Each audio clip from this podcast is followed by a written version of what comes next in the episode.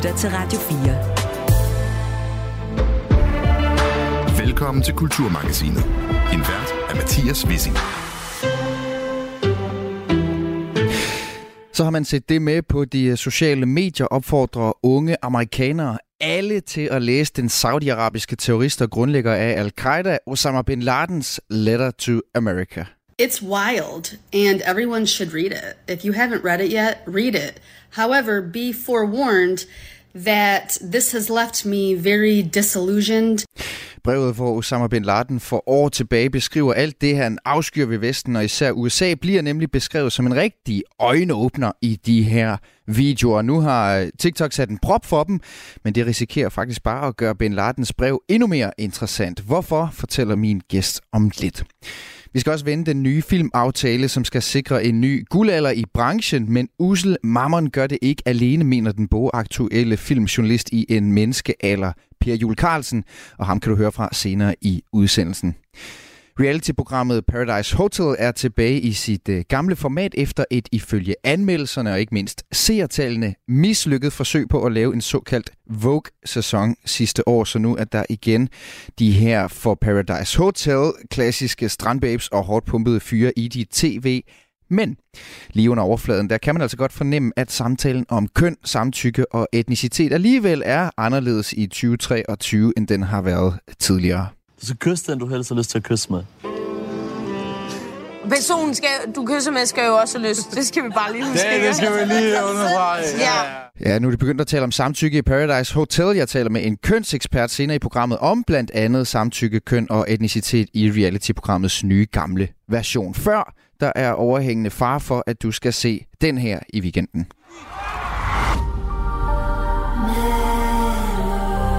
Finally succeeded in turning this house upside down.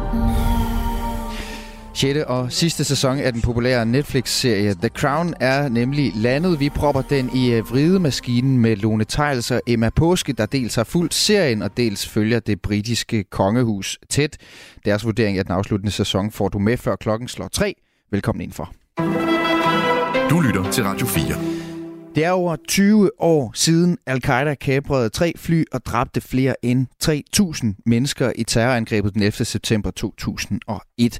Men ikke desto mindre så er en propagandatekst fra al-Qaidas daværende leder Osama bin Laden gået viralt på TikTok i et omfang, hvor platformen nu vil forbyde indhold, der henviser til teksten, ligesom også den britiske avis The Guardian har fjernet teksten fra sin hjemmeside, hvor det ellers har ligget i ro og mag siden 2002. Teksten hedder Letter to America. Den kritiserer, kritiserer undertrykkelse af muslimer i forskellige dele af verden. Den kritiserer USA's udenrigspolitik. Den kritiserer USA's støtte til Israel og opfordrer til udslettelse af Israel og er i det hele taget gennemgående antisemitisk. Ikke desto mindre så deler en række brugere på TikTok altså videoen i kølvandet på konflikten mellem Israel og Hamas. Den lyder blandt andet sådan her. I am ashamed to say that I not only have never read this letter, but I didn't even know this letter existed. It's wild, and everyone should read it. If you haven't read it yet, read it. However, be forewarned that this has left me very disillusioned. So I just read A Letter to America, and I will never look at life the same. I will never look at this country the same. I will never. I please read it, and if you have read it, let me know if you are also going through an existential crisis in this very moment. I need everyone to stop what they're doing right now and go read. It's literally two pages. Go read A Letter to America. And please come back here and just let me know what you think because I feel like I'm going through like an existential crisis right now. This letter was insanely eye opening. I really urge everybody to Google and read it. It explains so much. And I guarantee you it's going to blow your mind. Ja, sådan lyder det altså på, i forskellige videoer på blandt andet TikTok. Maja Kalke Lorentzen, specialist i internetkultur og medstifter af Cybernauterne. Velkommen til Kulturmagasinet. Tak skal du have. Maja, hvordan er det gået til, at den her 20 år gamle al-Qaida-propagandatekst pludselig har fået sit eget liv igen? Jamen det er jo det interessante, at det ved vi faktisk ikke. Øh, vi ved ikke, hvorfor de her TikTokere begyndte at altså, finde det her brev igen, om det er noget, fordi de sidder og diskuterer situationen i Israel og Palæstina lige nu, og de kigger tilbage på Irakkrigen, og de har fundet det, eller om der ligesom er nogen, der har sat det i gang. Øh, enten nogen, der er enige i det, der står i brevet, eller nogen, der er meget uenige i det, der står i brevet. Det ved vi ikke rigtigt, fordi TikTok har jo været inde og, og fjerne øh, de her. Øh, det er også vigtigt lige at pointere, at der var en, en artikel i Washington Post, der ligesom kiggede på, hvordan startede den her trend, og det her altså først gik rigtig viralt, da journalister begyndte at skrive om, at mm. det var ved at gå viralt. Mm. Øh, og så gik TikTok så ind og fjernede det, men før det var det faktisk ikke, ifølge TikToks egen talperson, omkring 200 70 videoer, der havde det her hashtag, og det havde ikke øh, for TikTok særlig mange views i forhold til alle mulige andre ting. Mm. Så det er også et eksempel på, at når vi begynder at interessere os for de her ting, så går de viralt. Mm. Altså når de kommer ud i mainstream medier, så går de viralt. Mm. Så vi ved faktisk ikke endnu, altså hvem fandt først på det, og hvordan begyndte de her andre så at opdage dem og sige, gud, jeg vil også lave sådan en video, hvor jeg opfordrer folk til at læse mm. Osama Bin Ladens øh, brev til Amerika, som jo trods alt har ligget offentligt tilgængeligt i 20 mm. år. Lad os vende tilbage til det her med mediernes rolle lige om lidt, for det er en vigtig del af det. Mm. Øh, men altså, øh, du siger, vi ved ikke præcis, hvor det kommer fra, men det kan jo også være, at der er nogen, der af den ene eller anden årsag har har plantet det, altså forsøgt ligesom at lave en video med henblik på, at det går viralt, for så at at udbrede udskabet til Letter to America. Altså, hvad er det for en strategi, en det, digital det er jo, strategi? Altså, det er jo en total spekulation i det her tilfælde. Øh, hvad hedder det? Der har bare været blandt andet nogle researcher, disinformation omkring, altså Ruslands disinformation omkring Ukraine, der på Twitter siger, I skal lige undersøge, hvor det kommer fra, inden I begynder at skrive om det, fordi der har været eksempler på, at Rusland har ligesom startet trends på TikTok med henblik på at øh, enten give ukrainer et dårligt ry, eller ligesom støtte den russiske øh, krigsindsats, eller det kan være nogen, der ligesom øh, ja, altså sådan instigerer det her på den ene eller den anden måde. Så mm. det er jo mm. selvfølgelig vigtigt at finde ud af, altså hvor er det startet. En af hendes pointer er blandt andet, at alle de her videoer lyder meget ens. Altså de siger næsten det samme. Øhm, hvorfor gør de det? Øh, hvor har de det fra? Hvem er ligesom, det er rigtig vigtigt altid med sådan noget her øh, virale trends, at finde ud af, hvem, hvem er patient 0, ligesom. Altså hvem er den første, der har gået ind og fundet Osama Bin Ladens brev, mm. og, øh, og sådan startet det, hvordan har de andre set det, så vi ligesom kan få et overblik over, om hvorvidt det er en organisk trend med folk, der lige pludselig har fået et, øh, en åbenbaring ved at læse det her brev, eller mm. om, om der er nogen, der ligesom gerne vil have, at vi alle sammen læser det her brev igen af den ene eller den anden grund. Mm. Øh, da, da vi sad og snakkede om den her historie, så kom jeg til at tale om, øh, tænk på en historie, som jeg tidligere talte om dig, øh, med dig om, som var dengang, mm. øh, vi så sådan en tendens til, at anti øh, feministiske mænd på internettet havde taget øh, Patrick Bateman, øh, figur fra American Psycho, til sig som et symbol ja. på mandlige værdier, og så ligesom totalt ignoreret den kontekst, han indgik i, figuren indgår ja. i, øh, hvad, hvad det ligesom er forfatterens idé, hvad det hele, hvad, hvad det hele taler ind i. Er det samme der på spil her, altså at folk på internettet kan tage Bin Ladens propagandabrev til sig, fordi det giver udtryk for en kritik af for eksempel Israel eller USA's udenrigspolitik, politik, som de så kan identificere sig med, og så totalt ser bort fra, mm. hvem Osama Bin Laden i øvrigt er? Det er meget muligt, og det er interessant, der er jo mange af de her videoer, de her klip, vi spiller, det siger de jo også, det her var øjenåbne for mig, det var, det var en epiphany, altså en åbenbaring, og så siger de ikke rigtig mere, gå ind og læs det. Og det er jo ja, enormt ja. åbent. Hvad mener de? Ja. Mener de, gå ind og læs det, og så kan du godt forstå, at han, øh, hvad hedder det, at Al-Qaida har gjort alt det, de har gjort, og, og, og stået bag 9-11? Eller mener du specifikt hans kritik af amerikansk udenrigspolitik? Hvad handler det om? Der er så nogle af de her brugere, som har fået fjernet deres videoer. Nogle konti er helt væk, så man kan ikke se, hvad de ligesom sagde. Men nogen har efterfølgende uploadet nogle videoer, hvor de forklarer, det jeg mener er, at jeg som amerikaner er blevet, har fået at vide, at grunden til, at 9-11 skete, var, at muslimer hader vores frihed. Mm. Og det her med så at læse, hvad han faktisk skrev, gav dem et indblik Nå okay, der er noget tankegods bagved, mm. øh, hvorfor vi blev angrebet, andet end at de var onde. Altså det er ligesom, at amerikansk propaganda har malet en karikatur af, hvorfor nogen begår terror mod USA. Mm. Øh, det var i hvert fald de videoer, som stadigvæk ligger oppe, som man kan se. Men, men man kan jo sagtens se, at eksempler på, at ting bliver taget ud af kontekst, og så ignorerer man ligesom, jamen, hvem er den her person ellers, hvad står Al-Qaida ellers for, hvad er deres ideologi? Og det er mm. jo en, mm en, en måde, som propaganda online tit bliver spredt på. Som du er inde på tidligere, de her videoer, det lever sådan relativt stille liv på TikTok med tal, der for TikTok mm. ikke er overvældende. De er selvfølgelig store. Det er jo stadigvæk millioner af visninger, men, ja. men ikke i forhold til, hvad der ellers går viralt på TikTok. Så var der en journalist på, øh, på X, øh, det der hed Twitter før, der beskrev dem, og det fik igen mm. medierne til at skrive om trenden, og så fik hashtagget for alvor fat på TikTok mm. og på Twitter, eller på X undskyld, Øh, mm. Jeg kan ikke lade være med at tænke, som du er inde på, er, er vi medier, nu snakker vi om det her, vi har ringet til dig, er vi medier i virkeligheden øh, mm. en slags nyttige idioter for Al-Qaida i sidste ende, når vi ender med, med at beskrive det her og ligesom forstørre, øh, forstørre det her digitale loop? Altså, medier vil ofte blive brugt af øh, ekstremister af forskellige farver til at forsøge at få spredt propaganda på forskellige måder. Det er også det, vi ser med de her øh, terrorister eller øh, sådan masse skyderier, hvis de efterlader sig et manifest, så er deres ønske jo også, at medierne ligesom ukritisk viderebringer det, mm. så de her idéer kan rejse videre ud til folk.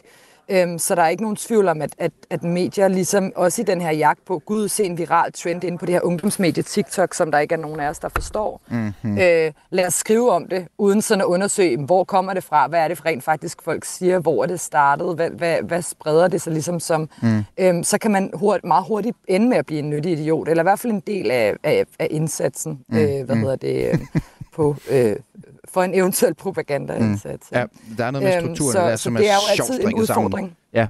Ja. Øhm, der, der ja, er noget... også det her med, nu fjerner The Guardian hans brev fra, fra deres hjemmeside, og, og det risikerer jo også ofte det her med, øh, så kan folk sige, se, det er det, du ikke må se. Øh, det er det, medierne ikke vil have dig til at se, og så kan der øh, komme en yderligere interesse i at finde frem til, hvad var det så egentlig, han skrev, den her forbudte viden-idé. Ikke? Og det er nemlig den aller sidste gren, jeg lige skal have med, fordi nu har TikTok så øh, øh, forsøgt mm. at sætte en prop i de her videoer. The Guardian, de har fjernet den artikel, artikel der, hvor man kunne gå ind og læse brevet.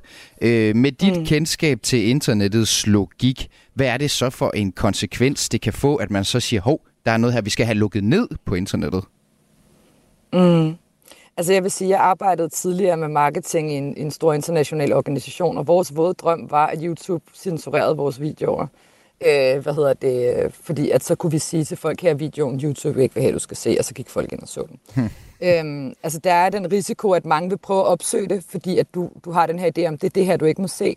Det kan også fodre et konspiratorisk mindset, som desværre er rigtig meget stigende lige for tiden konspiratoriske mindsets er også ofte antisemitiske. Det her med, der er nogen, der vil ikke vil have, at du skal se det her. Mm. Øhm, så, så jeg vil sige, det er lidt problemet. Jeg kan godt forstå, at man har tænkt, åh oh, nej, vi må hellere fjerne det fra The Guardian, men man kunne også have sat den i noget kontekst i stedet for. Mm. Øh, mm. Og netop forklaret, hvem er Osama Bin Laden ellers, når du ikke bare læser hans eget propagandaskrift, men hvad har han ellers gjort?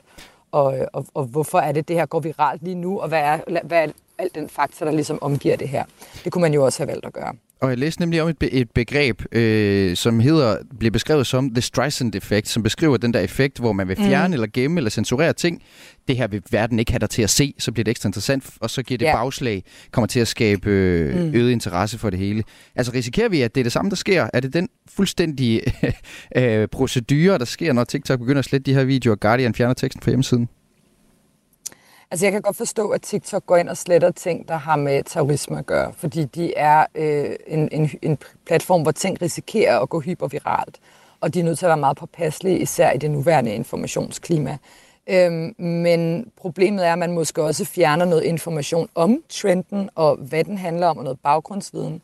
Øh, og man gør, at folk skal gå måske nogle lidt mere suspekte steder hen for at finde den her tekst, end et seriøst medie som The Guardian. Det er jo trods alt bedre, at man vil kunne læse om konteksten for øh, du ved, hvad der skete for 20 år siden, og mm. hvem Osama Bin Laden er, og hvem Al-Qaida ellers er, mm. i et seriøst medie, i stedet for på en eller anden mærkelig blog, der hoster det, og måske er mere enig med ham. Mm. Mike Helge Lorentzen, specialist i digital kultur og medstifter af Cybernauterne. Tak fordi du var med i øh, Kulturmagasinet. Selv tak. Du lytter til Radio 4.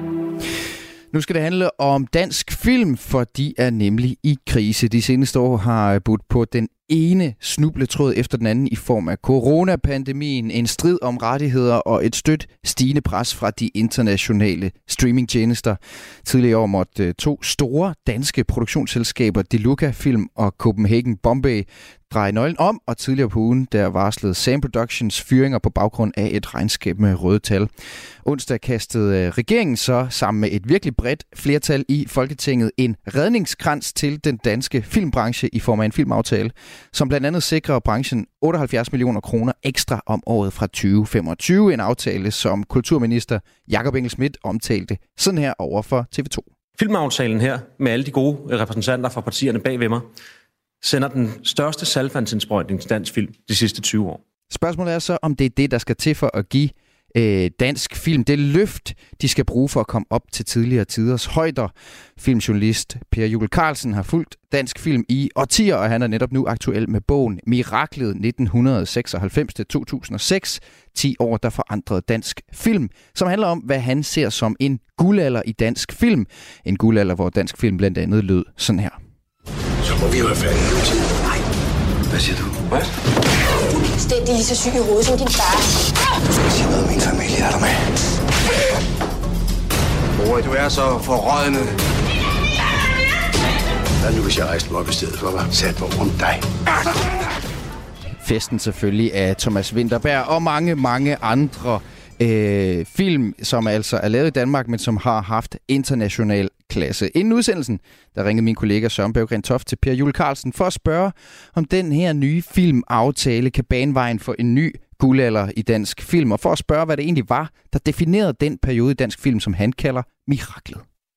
Jo, jeg synes først og fremmest, øh, det er en tid, der er præget af nogle meget risikovillige filmfolk, som kastede sig ud i nogle filmprojekter, som lå langt fra det, som man ellers havde set i dansk film, som virkelig forsøgte at lave noget nyt øh, med inspiration især fra USA-film som Taxi Driver og The Godfather, øh, og som uden at sådan sætte oprør eller tale om oprør, så gjorde de oprør mod det, der lå forud i dansk film. Altså man, man, man prøvede at lave film om den virkelighed, man synes, man befandt sig i, film om sig selv, øh, i stedet for, øh, så lidt groft sagt, at lave film, som passede til den måde, som man som kulturministerielt synes, filmen skulle laves på det tidspunkt. Så det var en, en række film, som var præget af virkelig en lyst til at gøre noget nyt og noget andet.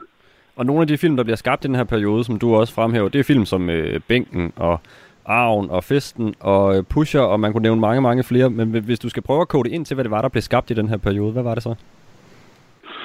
Øhm, en række film, som det er svært sådan bare at smide ned i en kasse og sige, sådan så de ud på det tidspunkt. Det er meget forskellige film, der er meget langt fra Breaking the Waves til den ene scene til festen til en, en kort, en lang til kunstner, græde i kor og så videre. Altså det var øh, øh, meget forskellige film, men som alle sammen var præget af, at man simpelthen havde lyst til at, og, og, og gøre noget andet. Øhm, altså Lars von Trier var jo et, et, hvad skal vi sige, et damplokomotiv i den sammenhæng. Han var en af dem, som, som turde at gøre noget, som kun han selv kunne se. Han blev jo ofte jeg vil ikke sige latterligt gjort, men man, man rystede lidt på hovedet af hans tossede idéer. Ikke mindst med, med Dogme 95-manifestet. Øh, øhm, men alligevel så insisterede han på at lave film efter sit eget hoved, og lykkedes med det, og trak i høj grad mange andre filmfolk med sig, altså, altså gav andre mod til at, at lave de film, de så for sig. Altså Thomas Winterberg og Susanne Bier og Lone Scherfi lavede dogmefilm og fandt på den måde ud af, hvad det var, de var dygtige til. Altså de lavede nogle film, som siden han blev platformen for deres, for deres øh, store både danske og internationale karriere. Så øh, man kan ikke, man kan ikke sådan skære filmen over en kamp. De er meget forskellige, men, men, men der var en, en risikovillighed og en, en, en trang til at udfordre det, som vi, vi kendte som dansk film på det tidspunkt. Og hvis man skal sammenligne øh, dansk film i dag med den her periode, som du omtaler som miraklet, øh, hvordan ser det ud så i dine øjne? Det ser ud på den måde, at der er, jeg, jeg synes, jeg synes filmfolk nu om dagen er, er fanget i, i, i, i vaner og, og faste tankegange, konventioner, jeg lige vil sige dogmer fra, fra, øh, fra de store selskaber, fra filmselskaberne, fra, fra hele verdenssystemet, om jeg så må kalde det, at film, er der nogle forestillinger om, hvordan man skal lave film nu om dagen, og det er jo i høj grad styret af algoritmer, at man rundt omkring kan sidde og måle, hvad det er, folk sætter sig til at se, hvad det er, de trykker på. Og så er der så ekstremt hård konkurrence alle mulige steder i mediebilledet, i underholdningsbranchen i øjeblikket, at der er meget lidt, som jeg ser det, mod til virkelig at prøve noget nyt. Det er som om, man lader sig styre af, hvad man kan se, at folk har set tidligere, og hvad de sætter kryds ud for, når man spørger dem, hvad de har lyst til at se igen. Øhm, der, der mangler en villighed, en risikovillighed til at prøve at lave noget efter helt efter eget hoved, og så være ligeglad med, hvad, hvad publikum eventuelt måtte sige. Og så mangler der en lyst til at udfordre publikum simpelthen ved at smide de der algoritmer i helvede til, og så bare lave det, som man, man synes, verden har brug for. Øhm, jeg, jeg synes, der, der, der virker til at være et meget fastlåst system i øjeblikket, hvilket øh, altså, de strækker, der lige har været i USA, er jo ikke enestående på USA. Der har været nogle konflikter på dansk grund inden da, som er et udtryk for, for den samme problematik, at det er i høj grad er, er streamingtjenesterne og, og, og branchen, som, som øh, bestemmer, hvordan tingene skal gøres. Så, så jeg, jeg, jeg, jeg synes, det, det er en, en, en, et låst system, der præger tingene i øjeblikket. Og filmbranchen, den er jo af forskellige årsager øh, økonomisk presset i hvert fald. Du er også lidt inde på det her. Nu er der et, øh, et meget bredt flertal i Folketinget, der har landet en filmaftale, som skal sikre et øh, ret markant økonomisk boost til, til filmbranchen. Ministeren selv kalder det noget, der ligner en historisk salvandsindsprøjtning. Er det, er det det her, der skal til for at skabe en ny guldalder i dansk film, eller hvad, hvad er det for noget, noget ekstra krydderi, der er brug for?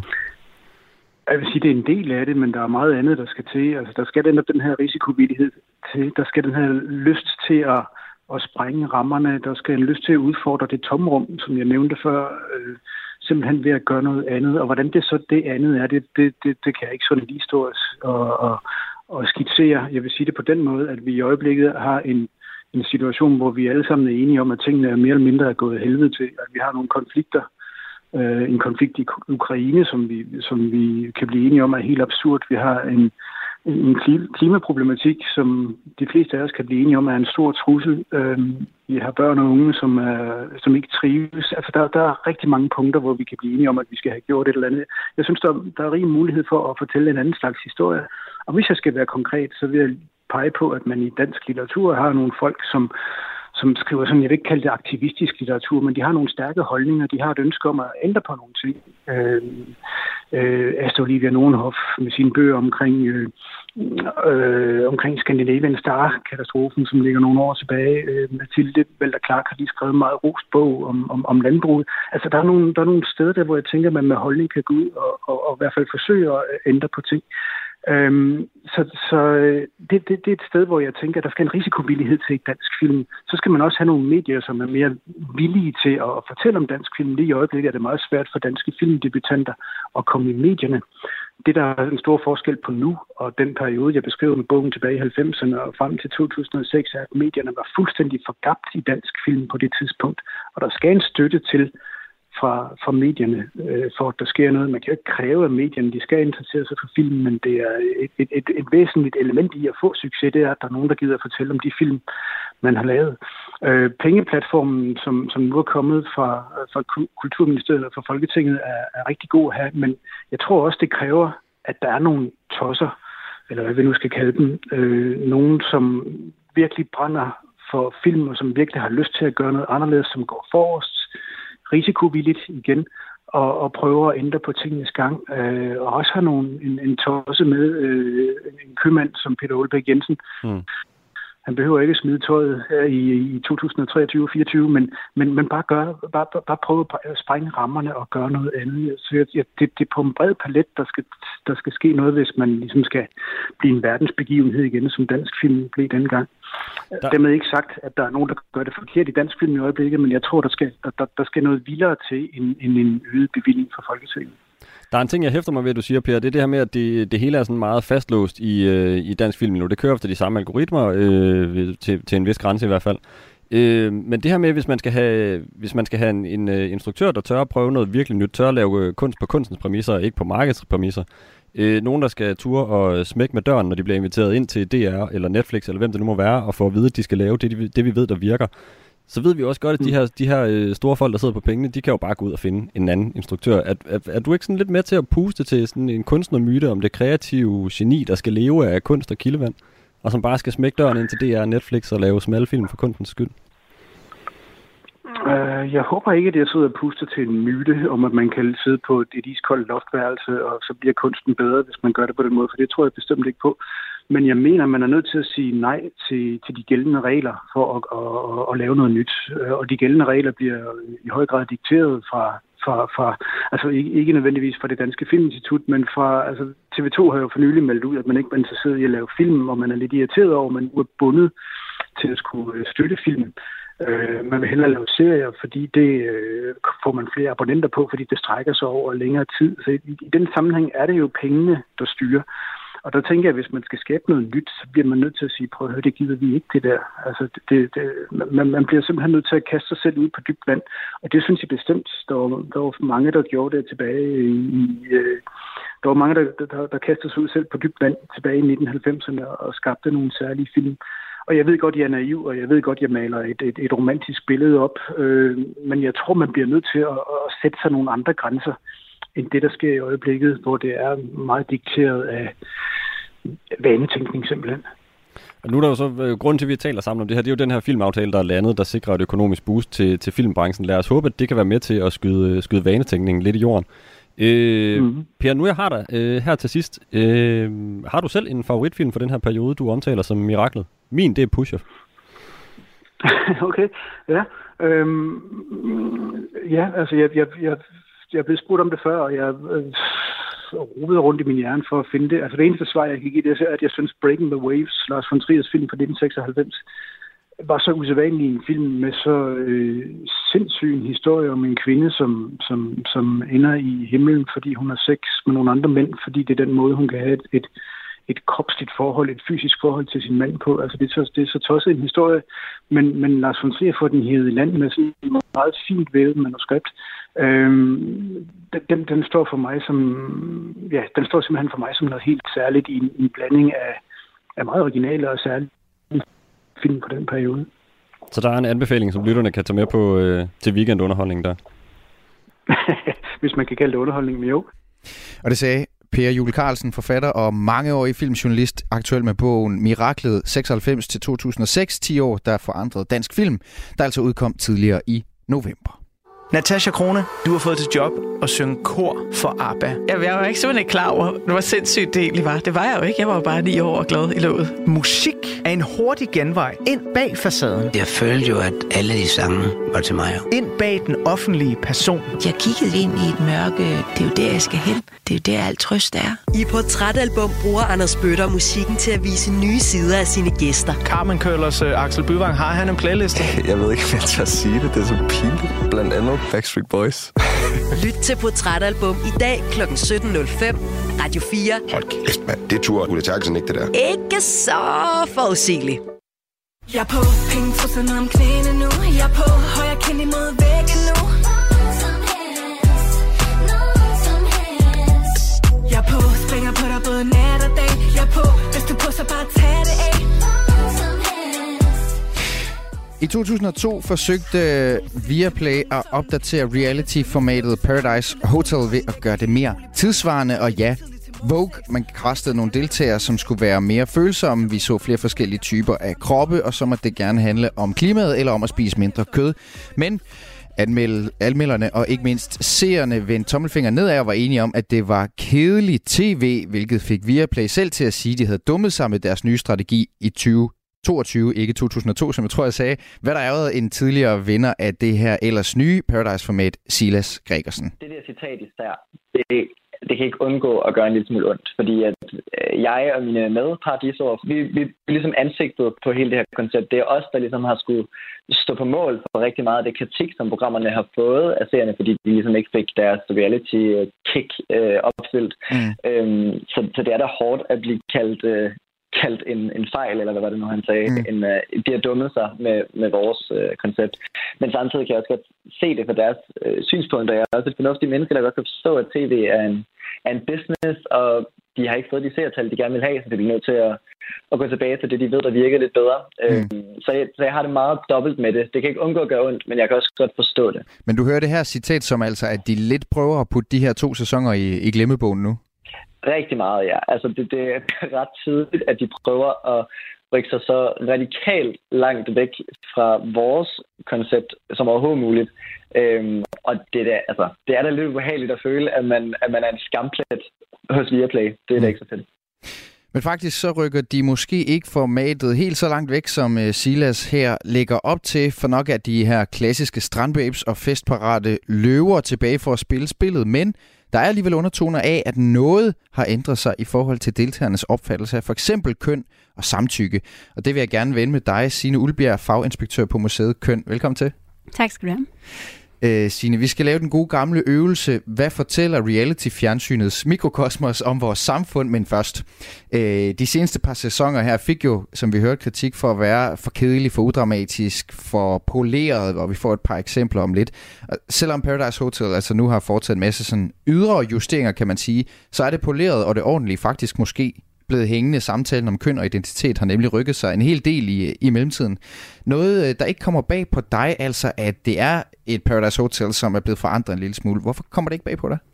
Jamen, fordi jeg tror, at den her, de her nye diskussioner om køn og seksualitet, de sniger sig ligesom ind alle steder i vores samfund. Og Paradise, som du selv siger, afspejler selvfølgelig den samfundskontekst, som, som, som deltagerne er en del af. Og så tror jeg også, at den generation af Paradise-deltagere, der er nu, altså de er vokset op med nogle af de her diskussioner om seksuelle rettigheder og køn, som vi har haft de sidste år. Så selvfølgelig er det en indbygget del af deres måde at tænke på at forholde sig til hinanden på. Så det er også bare nogle andre mennesker, der deltager, som er produkter af en anden samtale, der har været op gennem deres ungdom? Ja, det er nogle andre mennesker. Det er en anden ungdom, som står for noget andet end dem, der var der for 10 år siden. Mm. Skulle man nu ikke have set Paradise Hotel, så går det helt konkret ud på, at en, øh, en række deltagere, mennesker, tjekker ind på et hotel, hvor de så skal danne par, og den, der ikke har en partner til ugens partnerceremoni, ryger ud af programmet, og så gælder det om at stå som de sidste tilbage i finalen. Og indimellem, så bliver der festet og kysset og dyrket sex og lavet en masse drama og intriger, og selvom det her koncept er tilbage for fuld skrald, ja, så fornemmer man altså alligevel undertoner af, at det er nye tider, uanset om det så er produktionen, der har klippet det til, deltagerne, der har rykket sig, som du er inde på, eller om det er os, der kigger med, som byder mere mærke i de her tendenser. Det er jo sådan lidt, nok lidt en cocktail, men det er altså det her med, om, om deltagerne også har forandret sig, som jeg synes er interessant. Vi skal dykke ned i tre eksempler på, at, øh, at samtalen også på Paradise Hotel har rykket sig der i, i 2023. Det første eksempel, det handler om køn og seksualitet. Altså, det er ikke fordi, jeg tænker så meget over mænd og kvinder, og hvad der er hot ved dem og sådan noget der. Altså, jeg går meget mere op i sådan øh, personlighed. Jeg er bare meget åben seksuelt, I guess. Ja, ja, ja. Sara, hun er jo også til piger. Er hun helt til piger? Hun er både til piger og mænd. Det vidste jeg da slet ikke. Jeg er også en pæn pige, jo.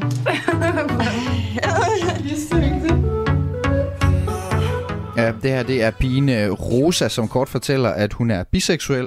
Og det får egentlig ikke så meget øh, opmærksomhed, hverken af den anden deltager eller i, i klipningen. Og så er spørgsmålet så, om det på samme måde ville gå under radaren, hvis det var en fyr, der sagde det samme for mange sæsoner øh, siden, var der for eksempel, kan jeg nævne, en homoseksuel deltager, som havde som mission at holde sin seksualitet hemmelig, indtil det blev afsløret. Mm. Altså lave sådan lidt et gameshow ud af seksualiteten, fordi han var homoseksuel. En, en lidt anderledes tilgang, kan man roligt sige. Øh, Signe Ulbjerg, hvad tænker du om, om, om det her klip? Jamen, altså jeg tror, at grund til, at der ikke bliver reageret så super voldsomt på det fra hendes meddeltager her, er vel nok også, at det er en ting, som, som igen den her generation er ret vant til at høre, og man må jo sige, når hun siger, at hun er biseksuel, så ved de alle sammen intuitivt, hvad det betyder. Altså det er ikke Alene noget, hun, det? ja, ikke, det er Ja. ikke noget, hun behøver at forklare, og det tror jeg måske, det har været over for i hvert fald nogle af dem Mm. øhm, tidligere. I forhold til spørgsmålet om, om det har været noget andet, hvis det var en mand, så øhm, altså klart, der er forskellige reaktioner på mænd og kvinders biseksualitet sådan helt generelt, og det har der været i ret mange år, hvor man kan sige, at kvinders biseksualitet er tit øh, feticheret, eller måske tit altså sådan er lidt mere acceptabel, og har også tidligere været mere acceptabel, fordi det bliver gjort til sådan et objekt også for mænds begær. Mm. Øhm, hvorimod mænds seksualitet, øh, biseksualitet er mere, altså mere kontroversiel, eller bliver sat mere i samme bås som homoseksualitet, og begge de tilgang er sådan set en negligering af folks øh, personlige seksualitet, men, Mm. men klart så er reaktionerne på det forskellige. Øhm, jeg ved ikke, hvor meget tiden har rykket sig i Paradise i dag i forhold til, hvordan det havde været, hvis en mand var biseksuel. Ikke? Mm, Men man kan mm. sige, at den her meget sådan seksualiserede sfære, de her unge befinder sig i, der overrasker det mig ikke så meget, at kvindelig biseksualitet er lidt neutralt og måske endda lidt frægt. Mm, okay. Øh, så der, der er måske faktisk, det var måske faktisk i et eller andet omfang også gået i det tidligere, nu vil jeg ikke gøre dig til ekspert i tidligere sæsoner af Paradise Hotel, men, men det er måske ikke sådan så groundbreaking det her, som hvis det nu var en, en fyrs biseksualitet, som, som, Mm. som ligesom havde været på samme måde været ukontroversielt i, Jeg i tror klipningen. også, at det, hun fortalte, det var gået tidligere. Spørgsmålet er, om det var gået tidligere, hvis hun så faktisk reagerede på det. Det, Mm. det ved jeg ikke. Det er et lidt større spørgsmål. Øhm, øh, kendere af Paradise Hotel vil vide, at det typisk har, har været de, de mandlige deltagere, der har styret spillet, øh, ligesom været dem, der støbte kuglerne og, og trak i trådene og sådan nogle ting, kørt lidt rundt med hinanden og med kvinderne i, øh, i, i programmet. I den her sæson, så er det noget, der tyder på, at kvinderne har fået mere magt. Øh, sine Ulbjerg, faginspektør på museet Køn. Hvis vi flytter det her reality-tv-mikrokosmos ud i virkeligheden, er der så i det hele taget en tendens til, at magtbalancen i de seksuelle relationer tipper over til kvinderne i højere grad? Ej, Det vil jeg ikke sige, at den sådan gør helt generelt, men der er klart nogle, nogle strømninger de sidste år, hvor, hvor nogle mennesker har fået et bedre sprog til at tale om sex og seksualitet og samtykke, og man kan sige, hvis man ligesom er i øhm, i et miljø, hvor man snakker meget om de her ting, så giver det en form for kulturel eller social magt at mestre det her sprog. Og det tror jeg, at det her, altså nogle af de her eksempler fra Paradise øh, er et sæson på, at, eller at den her sæson er et eksempel på, mm. at pigerne måske i højere grad end mændene mestre nogle af de her måder at tale om og lege med seksualitet på. Mm, ja. Øhm, jeg kunne også godt vende mig, jeg tænke mig lige at vende et af tidens vigtigste ord med dig, øh, samtykke. Mm. Paradise Hotel har jo været kendt for, øh, for sex for åben skærm, og samtykke øh, har tidligere været sådan en eksplicit del af en samtale i hvert fald. Det er ikke et ord, man har hørt i de gamle sæsoner af Paradise Hotel. Det var ligesom noget, man, man skulle finde ud af, og som førte til nogle forviklinger en gang imellem. Men det har i hvert fald, selvom man skulle tro, at samtykke var et nøglebegreb for, for, for hele Paradise Hotels eksistens, så er det ikke noget, man har snakket om på den måde. Men så kunne man i et af de første afsnit øh, af den nye sæson pludselig høre det her. Du skal kysse den, du helst har lyst til at kysse med. Personen, skal, du kysser med, skal jo også have lyst. Det skal vi bare lige huske. Det, det skal vi lige understrege. Ja. ja. Er det okay? At du kysser mig? Ja. Okay.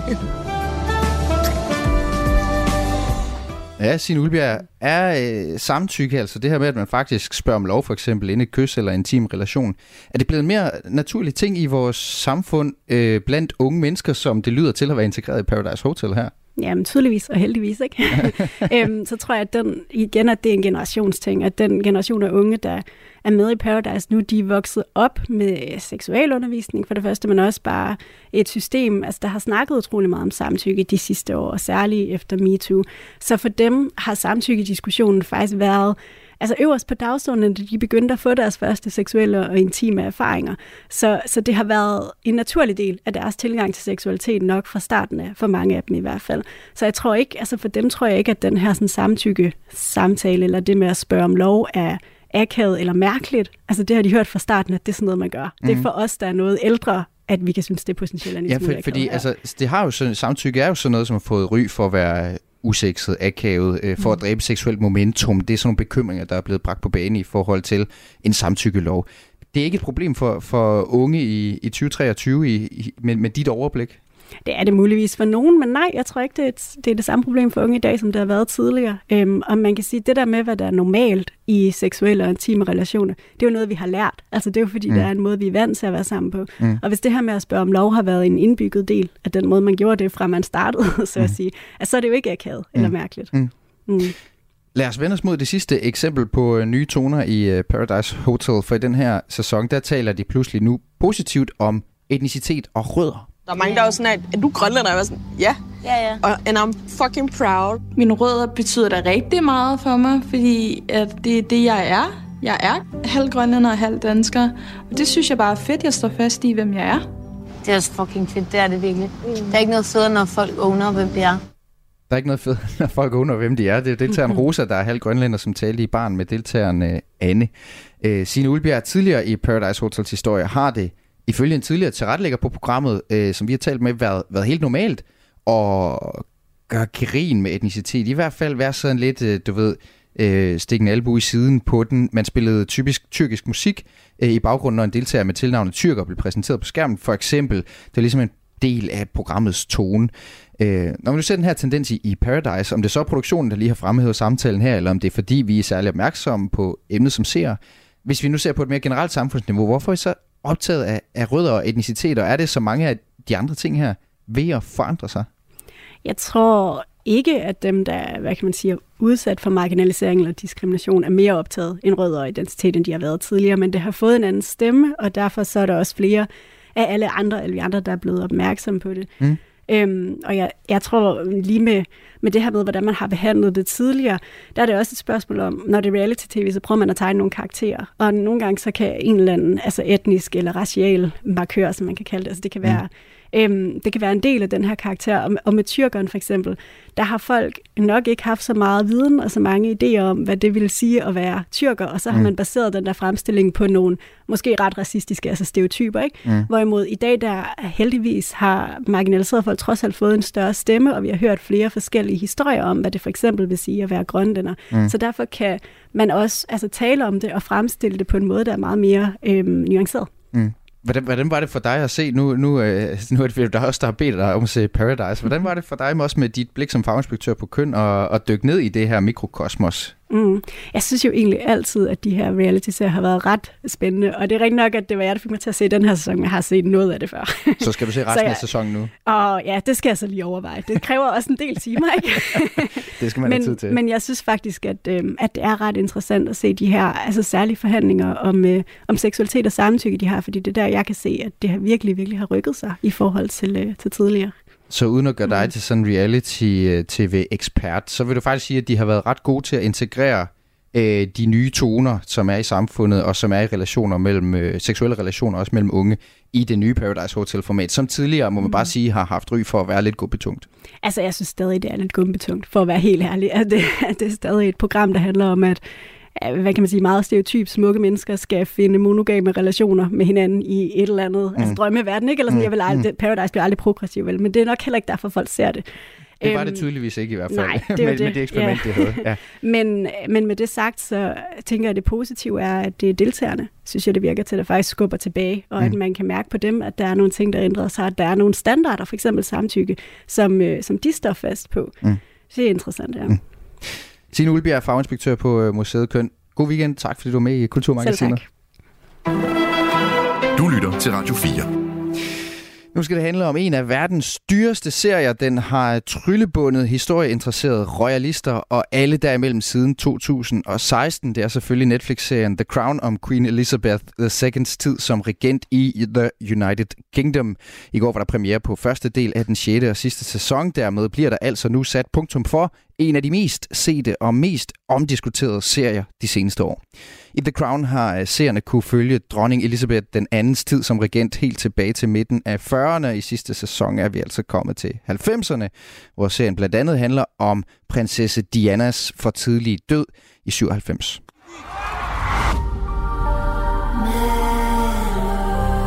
finally succeeded in turning this house upside down. It's nothing less than revolution. That's never my intention.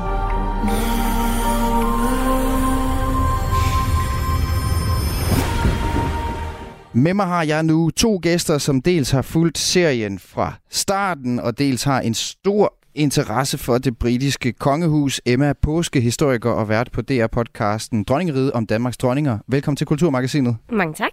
Og det samme siger jeg til dig, Lone Tejls.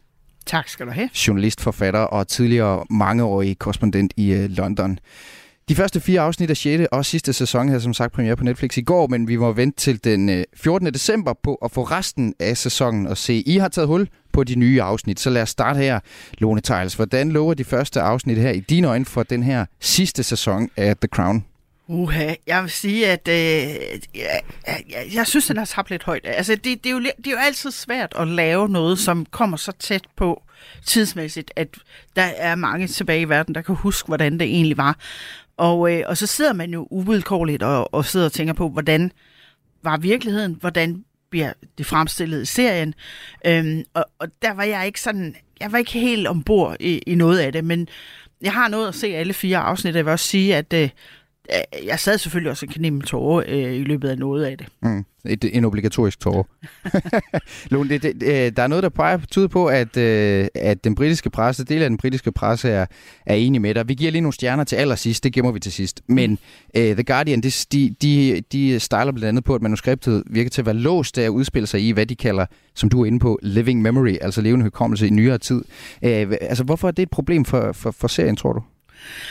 Jamen, jeg tror, man øh, simpelthen har taget for meget øh, med fløjlshandsker på øh, flere af aktørerne i historien, altså blandt andet øh, prins Charles, altså, og hele den relation, der egentlig var mellem øh, Charles og Diana, bliver i hvert fald fremstillet et meget rosenrødt skær øh, på mm. mange måder. Øh, jeg tror selvfølgelig også, og, og det er helt forståeligt på en eller anden måde, menneskeligt i hvert fald, at man har tænkt, altså nu, nu skal man jo fremstille noget, som øh, jo i hvert fald William og Harry vil huske som noget af det mest traumatiske i hele deres liv. Mm. Øhm, hvordan skal man ligesom gribe det an? Mm. Velvidende, at de kan risikere at se det en dag. Mm. Det er meget svært uden at, at på en eller anden måde have fløjlshandsker på alligevel, når man nu øh, beskæftiger sig med stof, der har med levende mennesker at gøre stadigvæk. Præcis. Øhm, Emma Påske, mm. hvad synes du? Du har også set, øh, du har set øh, øh, begyndelsen af The Crown her 6. sæson. Ja, jeg har set alle fire afsnit, ligesom Lone. Øhm, og jeg sidder sådan lidt med samme følelse. Og, og med en følelse af, at jeg har set fire afsnit om Diana. Mm. Mere eller mindre. Mm.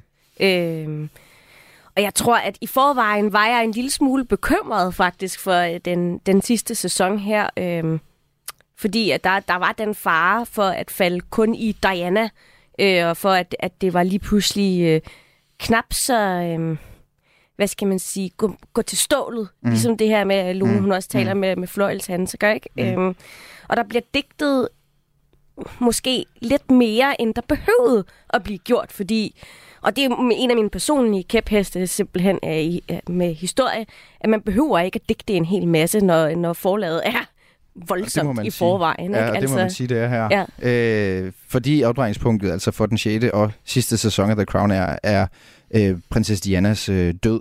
Ja, det er jo ikke nogen spoiler, altså. Nej, og, og, og det man kan sige, hvis der er en historie, en historie i moderne europæisk his- øh, øh, historie netop, altså mm. som, som er det mest dramatiske, mest voldsomme, så er det jo alt det, der foregik om, på det her tidspunkt. Og det kunne jeg godt tænke mig lige at, at dykke ned øh, med jer i. Øh, hvad er det for en fase i det britiske kongehus historie, som, som de har taget hul på her i begyndelsen af 6. sæson? Jamen, det er jo en, altså i virkeligheden nedgangen for øh, det britiske kongehus. Ikke? Altså 90'erne, starten af 90'erne var frygtelige for det britiske kongehus. Der, der har de faktisk også allerede været igennem i The Crown. Øh, og det her, det er jo kulminationen på nedgangen, kan man godt sige. Mm. Øh, og hvordan de også takler det. Mm. Øh, så, så det kommer ekstremt ubelejligt for dem. Mm. Og det er jo også et kæmpe paradigmeskifte mm. for øh, jo ikke mindst øh, dronning Elisabeth, som jo får en bræt opvågning, da hun ligesom finder ud af, at øh, mens hun sidder oppe i Balmoral og forsøger at trøste William og Harry efter bedste beskub, jamen så øh, står hendes befolkning nede i London og siger, where are you, ma'am? Og de kan ikke forstå, hun ikke er der. De kan ikke forstå, hun ikke er kommet ud for at trøste dem. De kan ikke forstå, hun ikke flere på, hal, øh, på Buckingham Palace. Og hun fatter simpelthen lige i starten, da, da de får meddelelsen om Dianas død, og nu taler jeg altså ikke om The Crown, nu taler jeg om virkeligheden. Ja. Øhm, ja, hun fatter simpelthen ikke, hvad der er sket, hvor stort og, og momentan en begivenhed det her er i britisk historie. Mm. Fordi hun tænker, hun er jo skrevet ud af kongehuset, og hendes første reaktion er faktisk sådan lidt, når man, at hun går ud fra, at det er familien Spencer, der ordner den begravelse. Mm. Ja. Og så er det jo prins Charles øh, flankeret af den daværende premierminister øh, Tony Blair, og ikke mindst hans spindoktor Alistair Campbell, som siger, må sige til ham, øh, eller undskyld, sige til hende, at prøv at høre, den går simpelthen ikke. Det her, det er så traumatiserende en, en, en begivenhed, at vi er nødt til at behandle det her som en statsbegravelse. Og så ender det jo så faktisk med, at øh, de må hive planerne op af skuffen, som de havde lavet i forvejen for The Queen Mothers øh, begravelse. Hun er altså ikke død på det her tidspunkt. Øh, og så må de ligesom øh, øh, bringe dem ind. Og der er sådan et meget sjovt øh, øjeblik i The Crown, eller og det ved jeg faktisk ikke om er korrekt, men, men øh, der ved Charles allerede sådan den dag, hvor de har fået at vide, at Diana er død, øh, og så spørger han sin mor, om han kan låne flyet, altså det kongelige fly, til at få hende bragt hjem Mm. med anstand. Og det er hun egentlig meget afvisende overfor til, til at starte med, og så siger han, "Nå, men hvad havde du regnet med? Skulle hun komme hjem i en Harrods varevogn? Mm. Mm. Og det siger han jo kun fordi, at Fayette-familien jo rent faktisk ejer Harrods. Ja, lige præcis, ja. Så det er sådan en ret sjov detalje. Ja. ja. Og nu er, vi, nu er vi godt inde i stoffet her, kan jeg høre, med to, med to kender. Men, men uh, Lone Tejls, prøv lige at fortsætte ud af det spor der, for hvis vi lige tager en kort detur fra selve serien.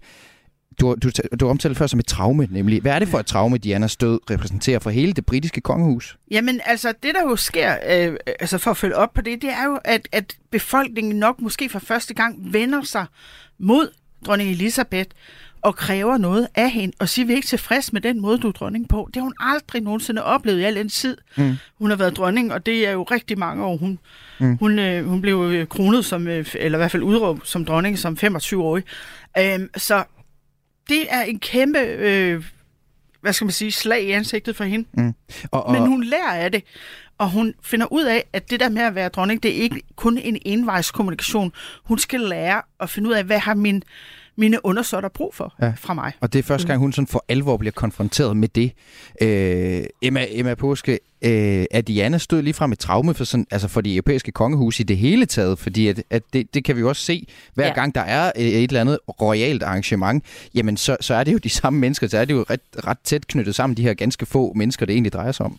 Ja, og altså, du, du har jo ikke en eneste europæisk prinsesse, skråstrej dronning, som ikke er blevet sammenlignet med Diana. Mm. Altså, de bliver jo stadigvæk sammenlignet med Diana på den måde, de klæder sig, eller øh, går på, eller nogle af de ting, de gør, det er altid Diana, man bliver sammenlignet med. Mm, mm. Så det er ret interessant Ja. stadigvæk. Og det fylder altså stadigvæk overalt Mhm. mm-hmm. i, i, i kongehusene rundt omkring. Øh, for lige at vende tilbage til The Crown, øh, Emma, det, det, det er en voldsomt populær serie. Øh, ja. Den har haft premiere i 2016. Millioner af seere verden over har fulgt den her dramatisering af den britiske kongefamilies historie. Øh, den har fået lidt kritik for sådan at tabe lidt flyvehøjde, som den også virker til ifølge jer og de britiske medier at gøre her i, i sæson 6. Men alligevel set af millioner. Øh, og det, det, det, er det er på den måde, mit indtryk er, når man taler med The Crown kender og The Crown fans, så er det ikke det der, hvor man hygge ser det. Altså man er et, eller man æder det, man er, man er fuldstændig opslugt af det. Ja. Øh, hvorfor tror du, Emma, at, at, at den er blevet så populær, den her serie? Jamen, det er jo fordi, det er en historie, vi tror, vi kender. Og den er baseret på noget virkeligt og, og magt og intriger og sladder og politik er bare altid voldsomt interessant. Mm. Øhm, og den britiske kongefamilie har altid haft alle de elementer.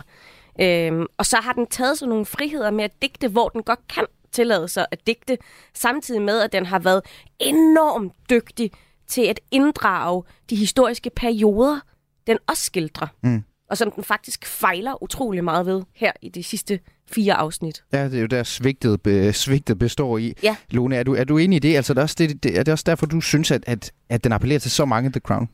Ja, altså jeg synes jo i hvert fald, især de tidlige afsnit var utrolig god til at lave den der kontekst, der var mm. mellem kongehus og samfund.